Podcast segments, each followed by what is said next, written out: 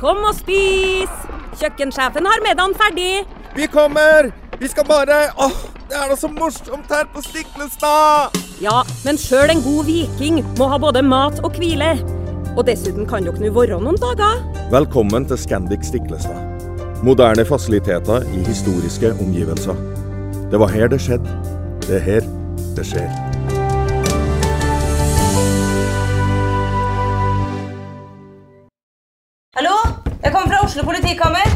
Ine Jansen er purk. Er du purk? The motherfucking bitch. Alt jeg vil, er å finne ut hva som skjedde med mannen min. Jon Carew. Er jeg sikta for noe? Iben Akeli. Det er du. Ole So, Lars Berrum og Big Daddy Karsten. Hvem sin side er du på, egentlig? Anette Hoff, Tone Danielsen, Kommer du fra Afrika? Jørnis Josef, Nesten. Kløfta. Trond Espen Seim, Det er synd å si det, men det var feil mann som døde. Purk. Premiere tirsdag på TV2 Play.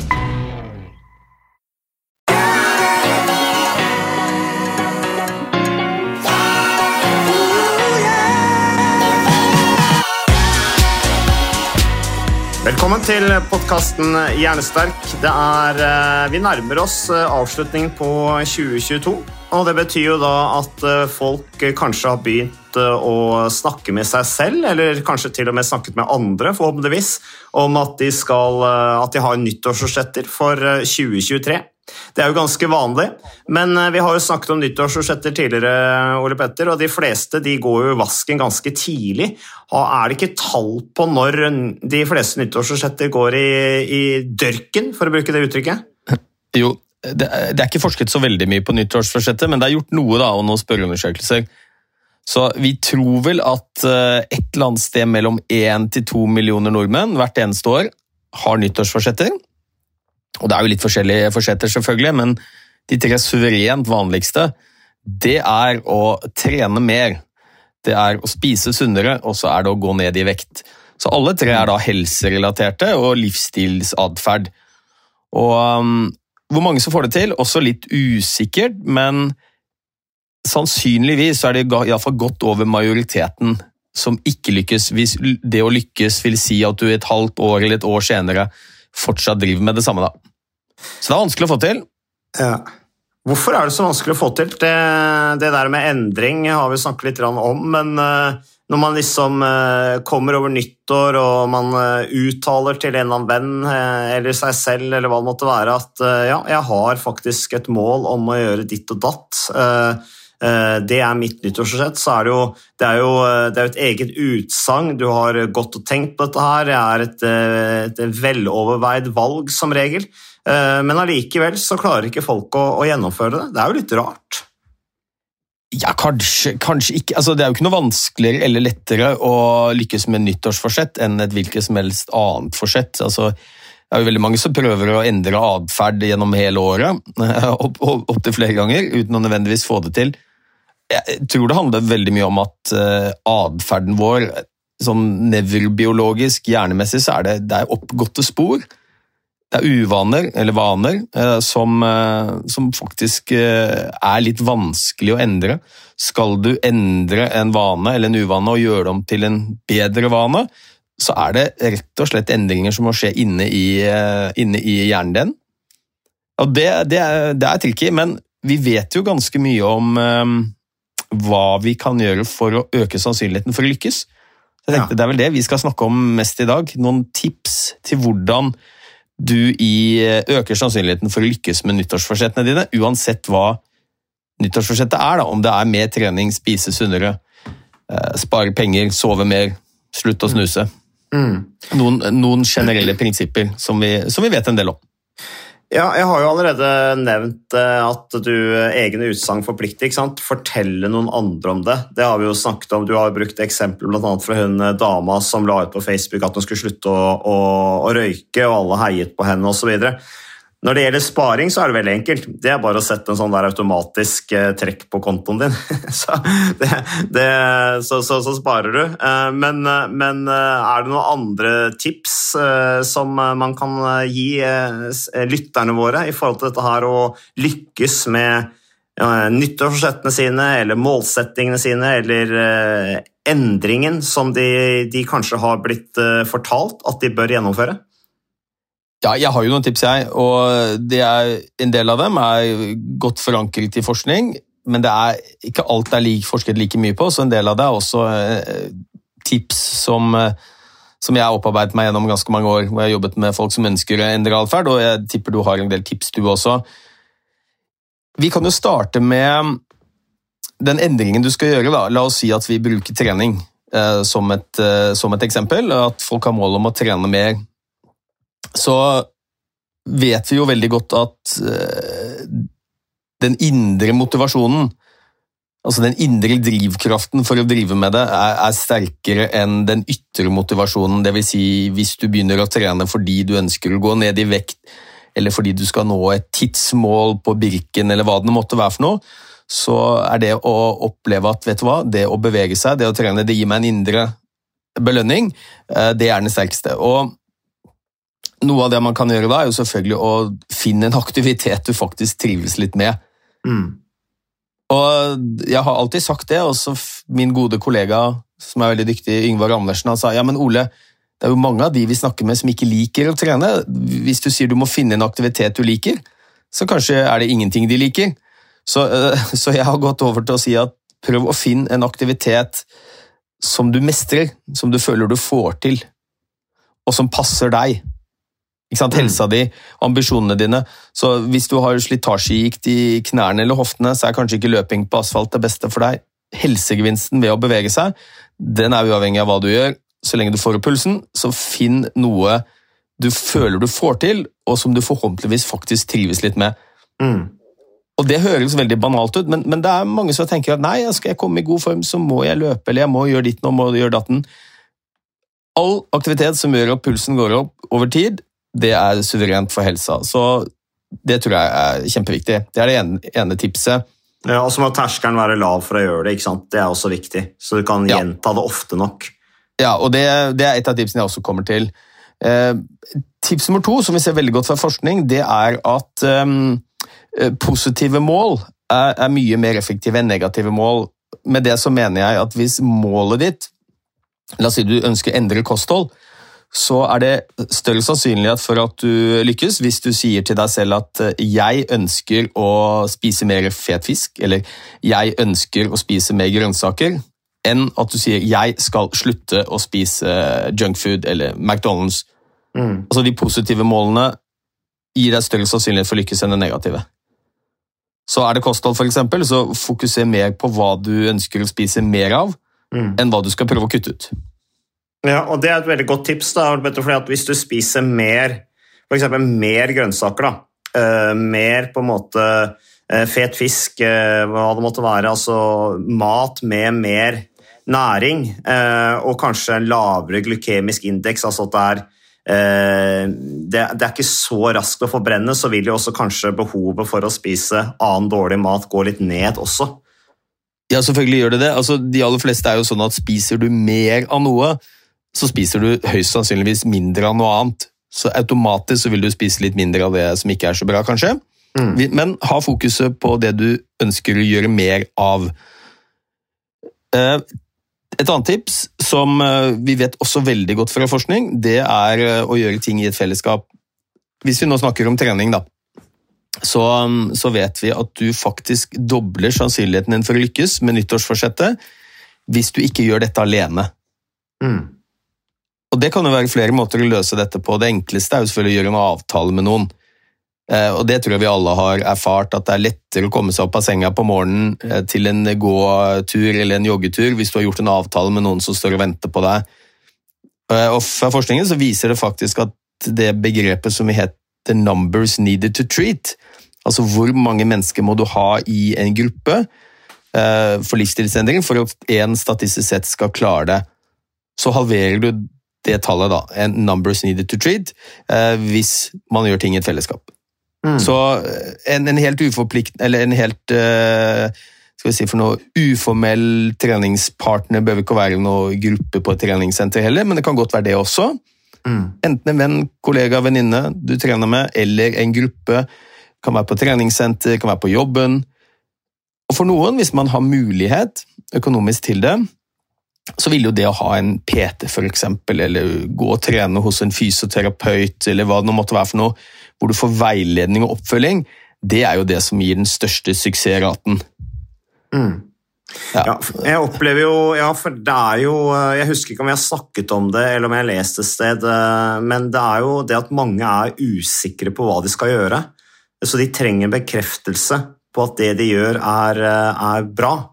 Eh, det er litt sånn rart. Altså, vi, vi, vi, vi, har jo drevet med trening hele livet, Ole Petter, så for oss så er det liksom Vi trenger ikke å spørre noen om hva som er lurt å gjøre, men hvis du ikke, hvis du er litt rådvill, du har kanskje en anelse om hva som er lurt å gjøre, men du er redd for å gjøre feil, som vi har snakket om ofte, så er det det med å få den bekreftelsen på at ja, det er bra, gjør det, heia deg, eh, med noen som da du har tillit til at kan mye om fysisk aktivitet, fysisk trening. Eh, for noen kan det være en lege i forhold til at de kanskje har, noe, er, har, litt angst rundt dette med hjerte eller andre helseplager som de er redde for. Så er det, som du sier, det der å ha en du stoler på, som du har tillit til i forhold til kunnskap, er, er en motivasjonsfaktor helt opplagt. Ja, helt klart. Og, og det er jo ikke mm, Dette å bruke en fagperson, f.eks. en PT, er jo kostbart og Det er ikke alle som har mulighet til det, men har man mulighet, og dette er det forsket på også, så ser man at har du en gruppe som skal følge ditt treningsopplegg alene, og en gruppe som skal følge ditt treningsopplegg i regi av en personlig trener, én til to ganger i uken hvor man møter PT-en, så ser vi at de som har oppfølgingen et år etterpå, altså da, da har de hatt oppfølging i et halvt år, og så måler man et år senere, så ser man at det er dobbelt så mange av de som har hatt PT, som fortsatt trener sammenlignet med de som gjør det alene. Og, mm. ja, og det, det, det, handler noe om at det er mer forpliktende, selvfølgelig. Du har en avtale med noen, da møter du opp. Mm. Men det handler også om kunnskap. og Kanskje for mange av våre lyttere så høres det rart ut at er det så vanskelig å vite hva man skal gjøre for noe? Da er det ikke bare å komme seg ut og bevege seg eller gå en tur eller jogge litt. Men eh, jeg møtte mange, altså, som eh, og, og selvfølgelig helt veldig oppegående, flinke folk, men som er veldig usikre på hvordan de skal trene. De er redd for å gjøre noe feil. Mm. Bli skada gjøre noe som ikke er hens hensiktsmessig for, for helsa. Så det, det, å få faglig oppfølging viktig. Og, og, og, det vi ser, er jo at det er jo spesielt i den begynnerfasen, hvis du skal gå fra kanskje å være ganske inaktiv til å begynne å ha eller ha et mål om å bevege deg litt mer, den fasen hvor dette fortsatt ikke er noe vane, så er det spesielt nyttig å bli veiledet og få hjelp. Så jeg pleier litt å si det at det er kanskje en av de viktigste oppgavene jeg hadde da jeg jobbet med dette, var at jeg veiledet, det gikk veien sammen med pasientene mine en stund. Men da vi hadde holdt på kanskje noen måneder under oppfølging, så var de helt eh, skal vi si, selvgående. Da hadde det blitt en vane hos dem, så da trengte de ikke den oppfølgingen lenger. Så iallfall en stund. Mm, om, mm. Om, du, om, du, ikke ser for deg en PT eller en fysioterapeut eller noen andre som skal, du skal trene med hele livet, så kanskje en periode eh, fram til dette blir like naturlig som å pusse tenna. Ja, så er det vel kanskje noe i den fasen der at uh, hvis du har, uh, har, fått god veiledning en periode, f.eks. med en PT eller fysioterapeut, så er det jo forhåpentligvis så har du lært noe i den prosessen. Da. Uh, så du har kanskje ta med deg noen innspill og erfaringer fra, fra det samspillet som du kan bruke seinere til å kanskje lage dine egne programmer eller, eller, danne en formening om hva du skal gjøre da, for å holde kontinuiteten oppe og ha en ja. balanse i treninga som skaper eh, om ikke nødvendigvis fremskritt, i hvert fall eh, holder formen ved like, som også er viktig. Det tenker jeg er viktig for mange òg, at folk begynner å trene, og så skal de ha fremskritt. Så kommer jo det ganske raskt, og så blir det jo selvfølgelig vanskeligere å, å skape fremgang. Men det der med å vedlikeholde den form du faktisk har, er jo også ganske viktig. Særlig for de som allerede trener. Det er jo mange som trener eh, og som plutselig opplever tunge perioder i livet, og så plutselig slutter de å trene, og det er veldig dumt. Eh, da er det jo om å gjøre å motivere seg til å gjøre et minimum, så du i hvert fall vedlikeholder formen litt. Eh, det er jo også, også lurt å gjøre. Ja, og Når du snakker om motivasjon, så tror jeg det er et viktig og kanskje litt undervurdert poeng også. Mange tenker nok at hvis du går til en PT, så er hovedrollen til PT-en å vise deg hvordan du skal gjøre øvelsene. Hva slags intervaller skal du kjøre på mølla? Eh, hva slags type eh, styrkeøvelse skal, skal, du gjøre det? Pass på at du gjør det riktig, osv. Og Det er jo selvfølgelig en del av en PTs jobb, men da tror jeg vi undervurderer PT-enes eh, kunnskaper også om dette med motivasjon og endringsveiledning. Mm. For det er mye det det handler om. Gi deg noen verktøy til hvordan du kan klare å få til dette på egen hånd. Fortsett å trene et par-tre ganger i uka. Så, så det å, å, veilede pasienter til livsstilsendring handler om mye mer enn å bare gi konkrete råd til hvordan du skal gjøre øvelsene eller hva slags type mat du skal spise, men hjelpe til med noe verktøy som gjør at man kan faktisk klare å opprettholde motivasjonen for å fortsette? Ja, jeg opplever at veldig mange PT-er er, er, veldig interessert i andre mennesker. Eh, de er veldig opptatt av motivasjon og psykologi og syns det er veldig spennende. Så, eh, så, helt opplagt, jeg er helt enig med deg at eh, og, og det tror jeg også folk skal være klar over, at det er veldig mange PT-er som har bred kunnskap, eh, ikke bare om liksom den spesifikke treningen, men også i forhold til dette her med det mentale og dette her med å, at det er ofte med tøffe prosesser for mange, dette her å skape, skape en endring. Eh, innarbeide nye rutiner i hverdagen, det er, det er, krevende. Det er vanskelig. Og så er det noe med, Du var inne på dette med økonomi. selvfølgelig, eh, Det er, det, det er økonomisk, et økonomisk valg da, hvis man skal gå til den type profesjonell hjelp, men da er det samtidig en investering. Så når du først har gjort den investeringen, brukt de pengene, så er det jo noe med å da faktisk eh, få noe ut av, ut av den investeringen, da, så du ikke slutter. Det hadde i hvert fall jeg tenkt. Hvis jeg hadde putta mye penger i å komme i bedre form og, og, og, klart det, så hadde jeg jo sett på de som en relativt bortkasta investering hvis jeg slutta brått og ikke fulgte opp uh, den ja. treninga jeg har lagt ned. Ja, og, og, så tror jeg jeg har møtt ganske mange som når jeg snakker om eh, kanskje kunne det vært en idé å få en oppfølging av en PT, sier de ja, men PT, jeg er jo dritdårlig trent, eh, PT er jo ikke noe for meg. Og så ser de for seg Ukas annonsør det er uh, HelloFresh. Og uh, hvis du nå går inn på hellofresh.no og bruker koden 'fresh hjerne', så kan du få opptil 1779 kroner rabatt på da de fem første matkassene dine hvis du ikke har prøvd HelloFresh enda. Og Ole Petter, vi er jo glad i HelloFresh i podkasten Hjernesterk, selvfølgelig fordi at de er en annonsør. De er med og bidrar til å spre det glade ordet om fysisk aktivitet og god helse, men i tillegg så har jo vi også nå lang erfaring med Hello Fresh eh, selv. Så vi må jo si at det har vært gode erfaringer til nå. Ja, absolutt. Visste du Mats, at HelloFresh det er faktisk verdens ledende matkasseleverandør? og Tilbudene til HelloFresh gjør det enkelt å lage gode og varierte retter som skaper matglede. Og matglede vet du, det er like viktig som hva du putter i munnen. Det å spise mat med folk du trives med. Så gjennom 25 nye og inspirerende retter hver uke så bidrar HelloFresh til dette. Du kan bestille ekstra porsjoner om du får gjester, eller hoppe over uke hvis du f.eks. skal bort. Mm. Og Det er ingen bindingstid, og du velger leveringstidspunkt og dag selv, så leverer Hello Fresh matkassen din akkurat når det passer deg. Ikke dårlig, Mats.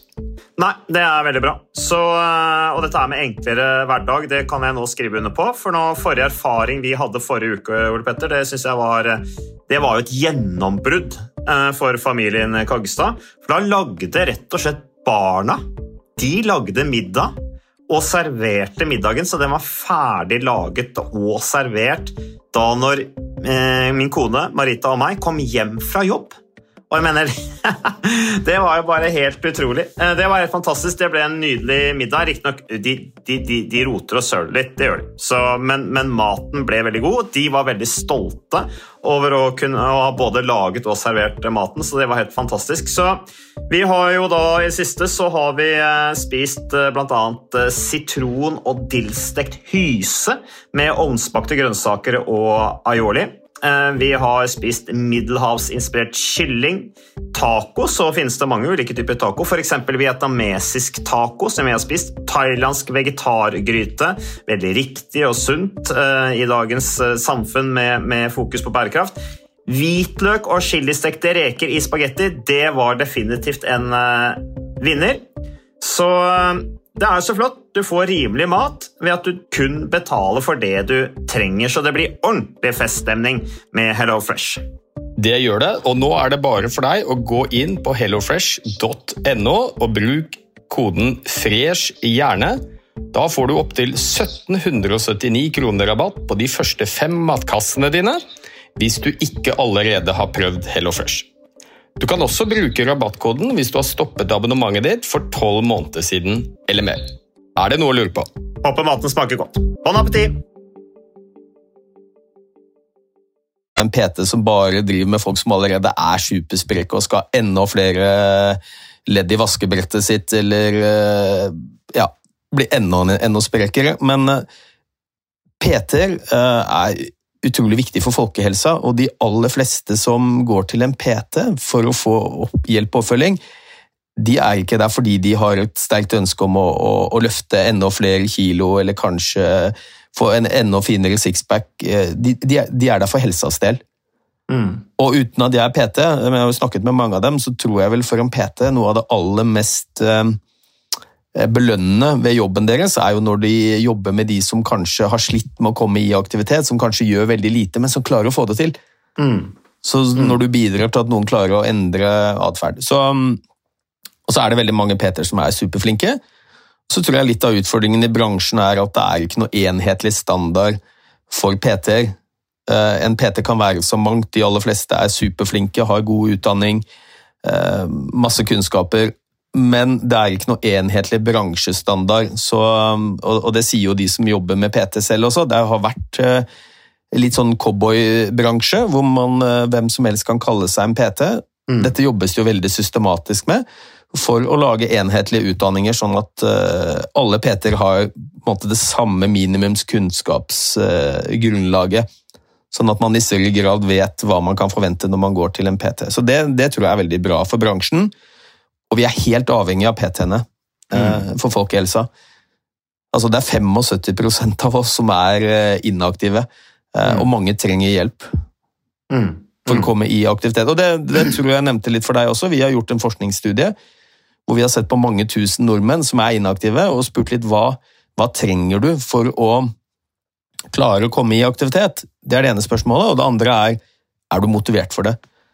Og da ser vi jo at over 80% av de som er inaktive, de oppgir iallfall at de har et ønske om å bevege seg mer, men at de trenger hjelp.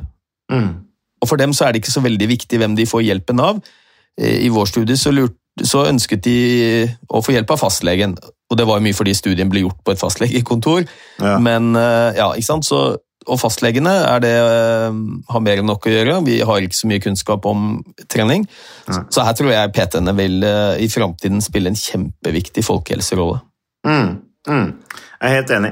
Uh, ja, vil jo legge til at verken du eller jeg er PT. Ingen av oss har PT-utdannelse, så, så bare sånn at det er, er, klart at vi ikke sitter her og reklamerer for oss selv. Uh, men det er et eller annet med behovet for å, å bli ledet. da. Vi, vi, mennesker har et sånn veldig behov for å bli leda. Jeg så en av de mer kjente finansmenneskene i, i Norge eh, som, som, hadde PT. ikke sant? En eh, over gjennomsnittlig intelligent eh, mann, men må likevel ha en person som veileder og hjelper.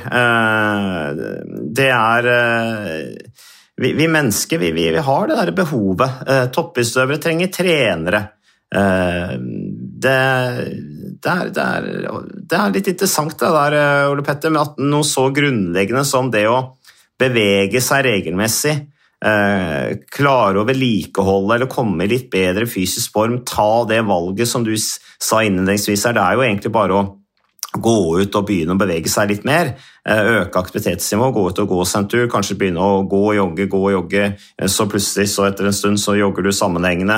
Eh, søke opp på, på internett på styrkeøvelser, begynne å ta pushups på gulvet. Altså, det er jo egentlig enkelt, men allikevel så, så har vi behov for å bli sett. Vi har behov for å gjøre disse avtalene. Og vi har behov for å få anerkjennelse også på det vi gjør. Ja, og det er, det er superviktig. Altså, det høres jo veldig enkelt ut når du legger det fram sånn. Hvor vanskelig kan det være å komme seg i aktivitet? Det er jo bare å gå ut eller uh, gjøre noen øvelser hjemme. Jeg tror jo at uh, grunnen til at det er vanskelig, og det har vi snakket om så mange ganger, men det er egentlig ganske enkelt. og det forstår vi når vi ser på hvordan samfunnet vårt er utviklet, og hva vi er laget for som mennesker. Altså, vi er designet til å være i aktivitet. Det er ikke en anatomisk struktur i skjelettet vårt eller ved hjertet eller, altså, som ikke er designet med tanke på å kunne bevege seg på en mest mulig effektiv måte lengst mulig. Altså, Vi er laget for å være utholdenhetsatleter og bevege oss. Allikevel så gjør vi det ikke, og det handler jo om at vi ikke lenger trenger det. Vi ble jo designet sånn fordi det var nødvendig for å overleve. Du måtte kunne løpe for å fange det ville dyret, for å få mat. Du måtte kunne flykte. Og så sitter vi i dag i 2022, og da mener jeg bokstavelig talt vi sitter. Eh, vi trenger ikke å bevege oss. Altså Den mengden bevegelse du må ha i løpet av en dag for å få gjort det du skal, hvis du har en vanlig kontorjobb, det er minimalt, altså. Mm. Du kan rulle ut i bilen, kjøre inn i parkeringsgarasjen, ta heisen opp, sette deg bak pulten din, jobbe, gjøre det motsatt når du skal hjem, gå ned i garasjen, kjøre hjem, sette deg i sofaen. Altså, det er fint lite bevegelse som er påkrevd. Eh, og Det betyr jo at vi må jobbe litt ekstra for å klare å få det til i hverdagen. For alt er tilrettelagt, så vi slipper å gjøre det. Mm, så det er, noen, det er, jo noen, krefter der du må overvinne, og det tror jeg de aller fleste av oss kjenner på også. Uh, I dagens samfunn, som er tilrettelagt for inaktivitet, det er også fedmefremkallende ikke sant? ved at vi all usunn mat er mye rimeligere enn sunn mat, den er mye mer tilgjengelig. Så, så det er jo litt tricky, da. Mm. Det å, å, få trent og, og f.eks. holde vekten De som sliter med det, så er det ikke fordi du er lat, altså, eller ikke har motivasjon. Det er rett og slett det samfunnet vi har laget som gjør det veldig vanskelig. Det mm. krever ganske mye for å overvinne eh, disse ev ev evolusjonære kreftene som handler om at vi er laget for å spise mest mulig, gå opp i vekt, og vi er også laget for å bevege oss bare når vi må, og være late når vi kan. Mm, mm. Men det går jo an å overvinne dem. Ja. Jeg bare tenker eh, på en ting, Ole Petter, og det er jo det der eh, med at mange går kanskje ut eh, litt vel mye, eller litt vel hardt, da, med litt vel mye brask og bram. Og Det tror jeg folk skal være klar over. at La oss si at du avtaler en økt med en PT, da, og du er på et treningsstudio og du reiser dit og har en økt og du holder på kanskje en stund. Så tror jeg vel kanskje at noen opplever at det er uh, en, De gjør det, noen gjentar det noen, noen, uker, kanskje, og så kommer det kanskje perioder hvor de ikke har tid til å møte opp. det blir for krevende tidsmessig. Så tror jeg vel kanskje at for en PT da, eller en fysioterapeut eller hva det er som, som hjelper, at liksom, det er noe med å vedlikeholde kontakten selv om man ikke kan uh, møtes fysisk. Uh, og det der å følge opp uh, kontinuerlig over tid, selv om man ikke kan ta økter som er veldig omfattende på et treningsstudio, som kanskje krever halve kvelden minst, så er det jo dette her med, med online oppfølging og sånne ting også som jeg tror er ganske viktig da, for å holde holde kunden, da, eller at folk holder seg i gang. At de, at de, har disse verktøyene hvor de registrerer det de gjør, og også har kontakt med noen som kanskje er litt mindre omfattende i perioder enn det der å skulle møte opp et sted. Det har i hvert fall jeg veldig troa på.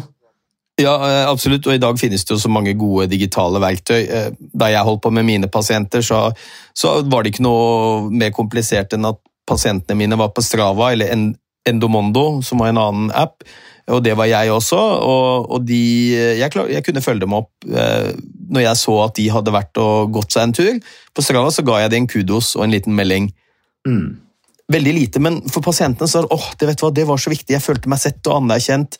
Fikk ros, en tommel opp. Um, så, du behøver ikke nødvendigvis ha fysisk kontakt og oppmøte hver gang. Og så nevnte du noe annet, og det tror jeg liksom dette med brask og bram. da.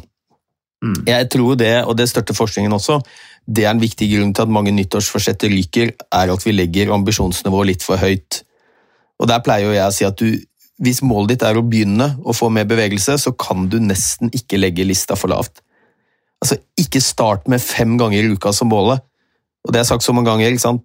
Hvis målet ditt er fem, og du får til tre Tre er supert, men du har likevel mislykkes, for målet ditt var fem. Mm. Er målet to, og du klarer tre, du har ikke trent noe mer, men det skaper mestring. Du føler at du har fått det til. Så, så start forsiktig. Vel, lag en plan og ha noen mål. Eh, og de målene bør være så konkrete som mulig. Altså, hvis målet ditt eller nyttårsforsettet ditt er 'jeg skal trene mer', så er det så ullent og udefinerbart at det kan være nesten hva som helst. Mm. Lag heller et mål hvor du sier 'jeg skal gå meg en tur to ganger i uka'. Eller tre, eller Ja, dere ser poenget. Lag det så konkret som mulig. Lag det realistisk, og det kan gjerne være bitte litt til å begynne med. Mm. Og så vet vi også at hvis du ønsker at dette skal bli en vane, det tror jeg de fleste gjør da, hvis de har et nyttårsforsett, så er det bedre å gjøre litt ofte enn mye sjeldent. Ja. Og, og det handler rett og slett om at eh, det blir repetisjonen, hvor ofte du gjør ting, Mm. har noe med hvor fort det blir en vane. Så ting du gjør ofte, blir kjappere og lettere en vane enn ting du ikke gjør så ofte. Puss tenna, for eksempel. Ja. Og du Og da, pusser tenna eh, tre ganger i uken, så er det ikke sikkert du hadde vært like god på det. Men vi gjør det hver dag. Um, og det, det handler også om at du slipper en forhandlingssituasjon med hjernen din. Det er ikke noe spørsmål når du kommer hjem fra jobb om du skal gjøre noe i dag eller ikke, for du har bestemt deg. Du skal gjøre litt hver dag. mm. Så det er mitt eh, tips. Og så belønning. Belønne deg selv på et eller annet vis. Eh, og, og her eh, har jeg, synes jeg, jeg har lyst til å fortelle en historie, for jeg har en eh, Det er en kollega, er han vel strengt tatt, jeg har jobbet litt med han, men han heter um, Jan Ole Hesselberg. Han er psykolog, og han jobber også mye med atferdsendring. Og da han skulle slutte å snuse, som jo for øvrig er et ganske vanlig nyttårsforsett, så, så hadde han en sånn kombinasjon av straff og gevinst som var ganske kul. Mm. Han fant ut at han brukte 15 000 kroner på snus hvert år. Så da han skulle slutte å snuse, så satte han inn 15 000 kroner på en konto til en kompis av seg. Så det var som om jeg hadde, skulle slutte å snuse, eh, Mats, og så satte jeg inn 15 000 kroner på din konto, Mm. og så sa jeg til deg at uh, hver gang jeg snuste, og da sier jeg at du og jeg eh, traff hverandre flere ganger i uka, så hadde, ga jeg deg også noen nikotintester, så du kunne teste meg for å se om jeg hadde snust. Og hver gang jeg hadde snust, så skulle du ta en gitt sum fra de 15 000 og sette det inn på kontoen til en god sak som jeg mislikte sterkt. Det var Altså rett og slett at, eh, at mine penger ble brukt til å støtte en sak som jeg ikke støttet. Um, og, Det hadde blitt vaskemaskin, Den vaskemaskinen var akkurat blitt ødelagt. Ja, ikke sant? Ja, det Mm. kunne det vært. Så hver gang han snuste, så ble litt av pengene han satt til Det er jo, det er jo en straff. Um, Mm. Gevinsten lå jo selvfølgelig i at uh, hvis han ikke snussa, så fikk han alle disse pengene tilbake igjen uh, på slutten av året. Mm.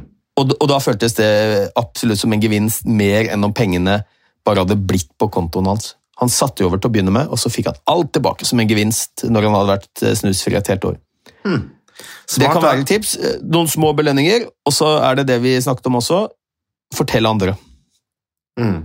Fortell menneskene rundt deg hva du har lyst til å gjøre for noe, hva målene dine er.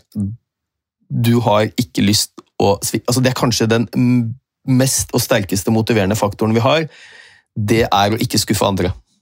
Mm. Mm. Det er ofte lettere å skuffe oss selv enn å skuffe andre, og hvis du har sagt til veldig mange hva målet ditt er, så vil de fleste oppleve en sånn følelse av at åh, vet du hva, jeg er ikke så veldig motivert nå, men jeg kan jo ikke skuffe Mats. Jeg har jo lovet Mats, jeg har sagt til Mats at jeg skal klare å slutte å snuse. Det er så flaut. Jeg har ikke lyst til å Ja, vise han at jeg Ja, det er flaut, vet du. Ja, ikke sant. Ja. ja. Så da, mm, ja Nei, men har du noe Apropos, eh, har du noen nyttårsforsetter eh, for 2023, Ole Petter? Nei, jeg har ikke det, og det men jeg har et forsett. Mhm. Men jeg har prøvd å velge å ikke ta det på nyttår. Jeg, jeg, jeg har kanskje litt mer troen på at disse nyttårsforsettene, eller disse forsettene, er lettere å få til hvis man ikke velger den datoen som alle andre gjør det. Det er litt som Valentine's Day. Det er veldig fint å gi oppmerksomhet til kjæresten din, men um, det er kanskje viktigere mange andre dager enn akkurat Valentine's Day. Da er det forventet at folk skal gjøre det. Én eh, dag i du- året. Ja, så jeg, jeg, jeg har sluttet å snuse. Ja, du har slutta å snuse. Ja, jeg vil jo si det, for jeg har gått Mm. eh, 76 dager og 14 timer. Ikke det at jeg teller, altså, Mm. men eh, så lenge har jeg gått uh, uten snus. Det er bra det, Ole Petter. Bra jobba. Det er veldig Ja, bra. det, eh, det har jo ikke vært så lett, men um, jeg har prøvd å bruke en del av de triksene jeg nå har snakket om, da. Så det So far, so good. Ja, ja men det er bra, Ole Petter. Jeg har følgende nyttårsrett, og det er å trene litt, eller å bygge, fortsette å trene litt mer styrke. Mm, det er mitt nyttårsforsett. Ja, veldig bra. Ja. Hvor mange ganger i uka? Uh, ja, tre ganger i uka. Og du har kommet i gang? Ja, vært i gang en stund. Ja, ja, Mm. så bra. Så- Da skal jeg eh, Hvis du nå setter over 15 000 kroner på kontoen min, og så skal jeg sette over 100 kroner til en eller annen sak du ikke liker, hver gang du ikke trener tre ganger i uka. Ja, ja. Skal vi si det sånn? Ja, vi, det er avtaler, Petter. Det er avtale. Men da ønsker vi alle lytterne våre også lykke til med planleggingen av sine nyttårsforsetter. Da har dere fått noen eh, tips til det. Og eh, fortsatt eh, god jul. God overgang til det nye året når det kommer også. Takk til deg, Ole Petter. Og takk til lytterne våre og samarbeidspartnere Moderne Media. Vi er tilbake med mer podkasten Jernsterk neste uke.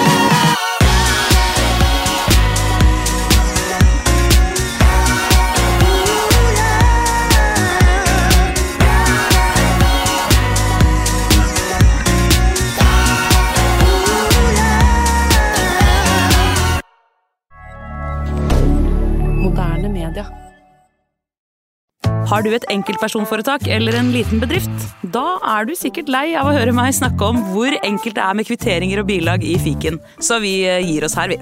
Fordi vi liker enkelt. Fiken superenkelt regnskap.